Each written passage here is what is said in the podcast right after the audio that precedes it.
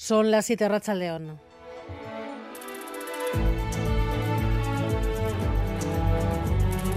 Gambara con Arancha García.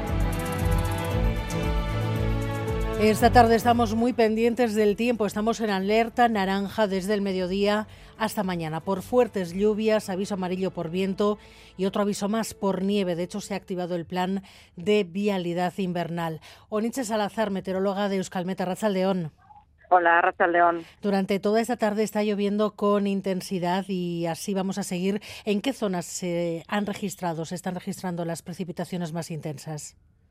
Pues donde esperábamos que ocurriera y es donde más va a acumularse durante las próximas horas también. La zona sur de Vizcaya, de Guipúzcoa y norte de Álava, es decir, las zonas, digamos, montañosas eh, de Vizcaya y de Guipúzcoa, donde se divide la vertiente cantábrica de la Mediterránea. Es ahí donde ya vamos recogidos desde que ha empezado la jornada más de 40 litros metro cuadrado. Desde las 12 que hemos entrado en la alerta naranja se han recogido entre 25 y 30 litros metro cuadrado, algo menos hacia la zona de la costa y hacia el sur de Álava, pero en general, en conjunto, pues eh, está lloviendo de forma persistente, continua y lo que decimos va a seguir mm. eh, más o menos eh, de la misma manera, muy parecida, de manera que van a ser muchas horas eh, lloviendo y acumulándose cada vez más litros. ¿Se tiene alguna previsión de cuántos acumulados podrían alcanzarse? Pues en esta zona que te comentaba, que es donde más eh, se está acumulando y es donde esperamos que haya más acumulados, la zona entre el sur de Vizcaya, Guipúzcoa y norte de Álava, eh, esperamos que se superen fácilmente los 80 litros metro cuadrado en 24 horas, desde las 12 del mediodía de hoy hasta las 12 de mañana martes. Incluso se puede superar más, entre 80 y 120 litros por metro cuadrado, no descartamos, es donde más eh, lluvia se va a acumular y de ahí la, alerta naranja. ¿Cuáles son las horas más complicadas en función de sus previsiones? ¿Cómo se espera la noche? Bueno, a la noche vamos a tener que estar muy pendientes de, los cauces de los ríos, de cómo van eh, respondiendo a nuestros ríos, porque con estas cantidades previstas y cómo venían ya los ríos, pues sí que esperamos que a lo largo de la noche, eh, bueno, pues podamos empezar a tener eh, las primeras afecciones y, claro, evidentemente en estas situaciones, cuanto más se va acumulando, como va a ser lluvia persistente, pues según vayan avanzando las horas se puede ir complicando un poquito más, así que seguro será una, una noche larga para todos los que eh, estén y estemos vigilando la situación. En principio, ¿se han activado algún tipo de medida preventiva, preventiva para la ciudadanía?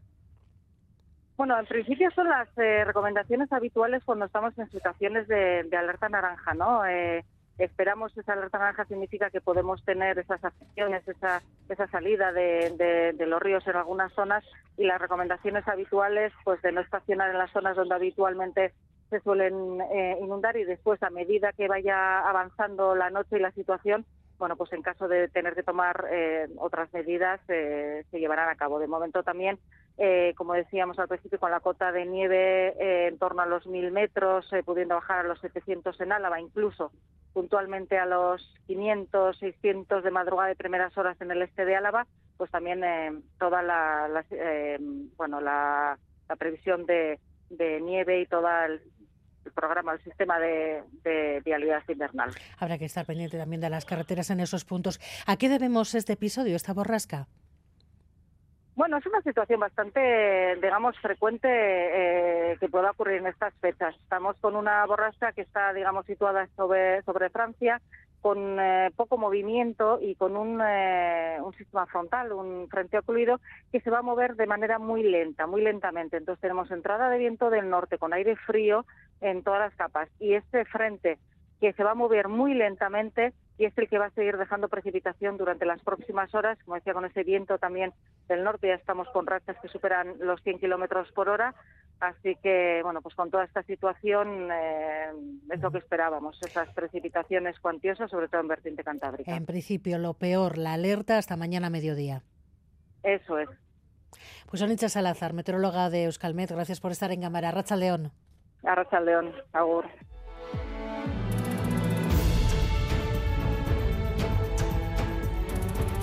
El PSOE intenta desactivar el caso Coldo. Ha dado hasta mañana de plazo a Ábalos para que deje su escaño, pero el exministro, de momento, solo ha dimitido como presidente de la Comisión de Interior, Isaro Baza.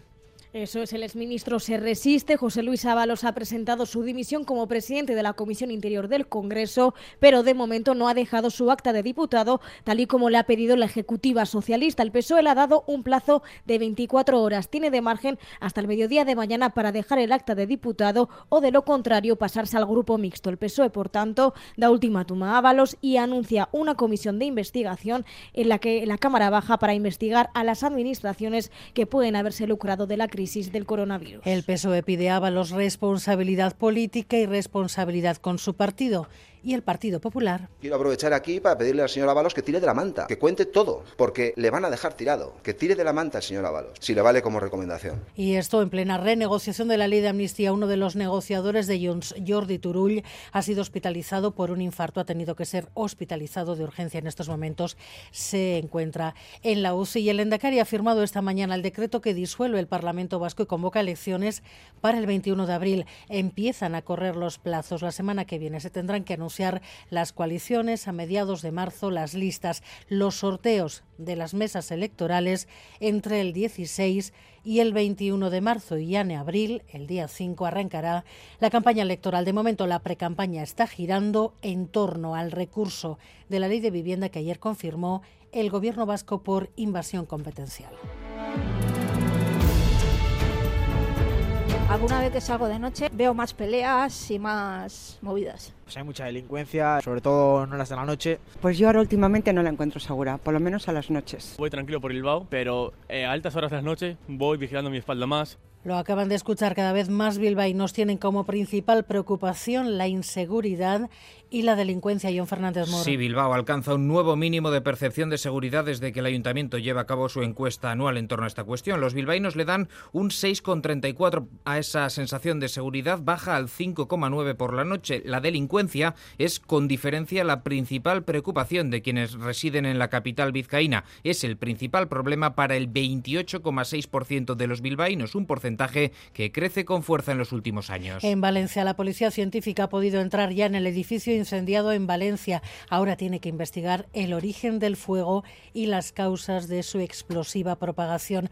La hipótesis a esta hora es que las llamas pudieron originarse por un cortocircuito en el mecanismo del toldo de la casa en la que todo comenzó. Los vecinos han podido acercarse hoy, no han podido recuperar apenas nada, solo los coches que estaban aparcados en el garaje. Nuestra documentación sí, que se ha quemado, estaba en el salón, pero en la caja fuerte tenemos joyas y joyas de, de, recuerdo. Mucha agua, muchos charcos, sin luz. Es inquietante, no me puedo creer esta, esta situación. Todo mi patrimonio era eso, tener un piso y poder acabar mis días ahí y de, y golpe por razón me veo en la calle sin nada. Es como una película de terror. Las haciendas vascas se ponen firmes con la nueva economía. Desde este año las plataformas digitales de ventas por Internet tipo Wallapop, de alquiler como Airbnb o las criptomonedas tienen la obligación de informar de las operaciones de sus clientes y las diputaciones lo van a usar para que todo el mundo pague los impuestos que les corresponden. Iñaki Alonso es director de Hacienda de Vizcaya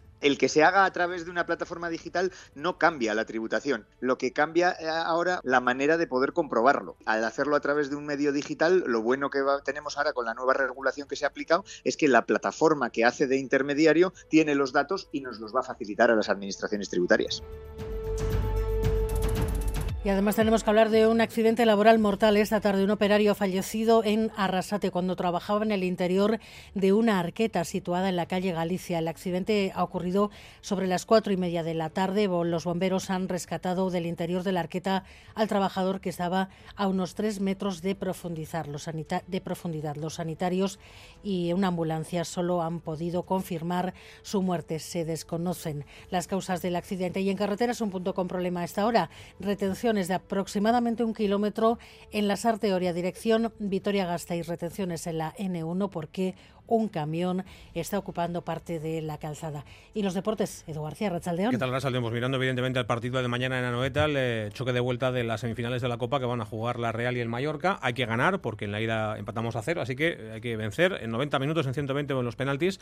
Y parece que eh, el club se ha conjurado, la familia Chururdín se ha conjurado para que sea así. Después de los malos resultados en Liga de las últimas jornadas, fundamentalmente el último, que fue una derrota en casa el pasado viernes, eh, se ha cambiado el chip y todo el mundo está ya concentrado en superar al equipo del Vasco Aguirre con con la buena noticia de la recuperación de Mikel Oyarzábal, que está en la lista de convocados, el capitán ha vuelto. Otra cosa es que no esté a lo mejor para jugar el partido completo, pero por lo menos está en esa lista de citados. Lo contaremos mañana y un poquito más tarde, el 23 de marzo, contaremos el regreso de la Euskal Selección masculina, que va a volver a jugar un partido, ya es oficial, lo hará ante la selección de Uruguay ese día 23 de marzo, sábado en San Mamés.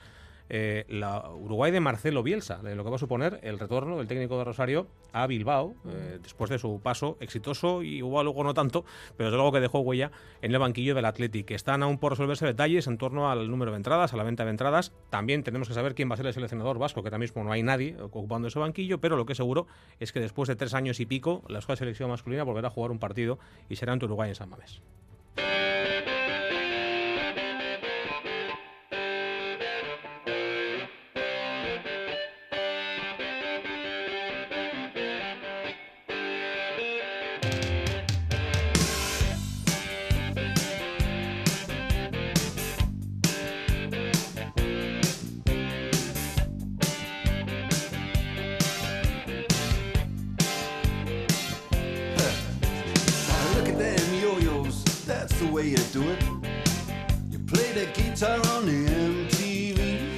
¿Pagaría por entrar en la Plaza Nueva en Bilbao o a la zona del puerto en Donostia? ¿Estaría a favor de que pagaran los turistas?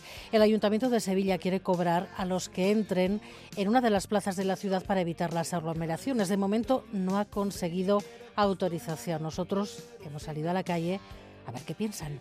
Pues no lo vería lógico tampoco, porque tenemos que hacer algo por el turismo también y si encima les vamos a cobrar, me parece mal. Entiendo que igual pues, para evitar aglomeraciones y eso poner unos límites, pero o me parece que al final también va a venir menos turistas y tiene que pagar por ver cosas míticas o icónicas. No creo que tengas por qué pagar por ver cosas que son públicas y que la gente tiene derecho a visitar. No creo que, que, haya que adueñarse de eso. Yo entiendo que bueno es una manera de recaudar algún fondo. Hay museos que no queda más remedio, catedrales pues a veces, pero ojo, a todo, a todo, no, no me parece.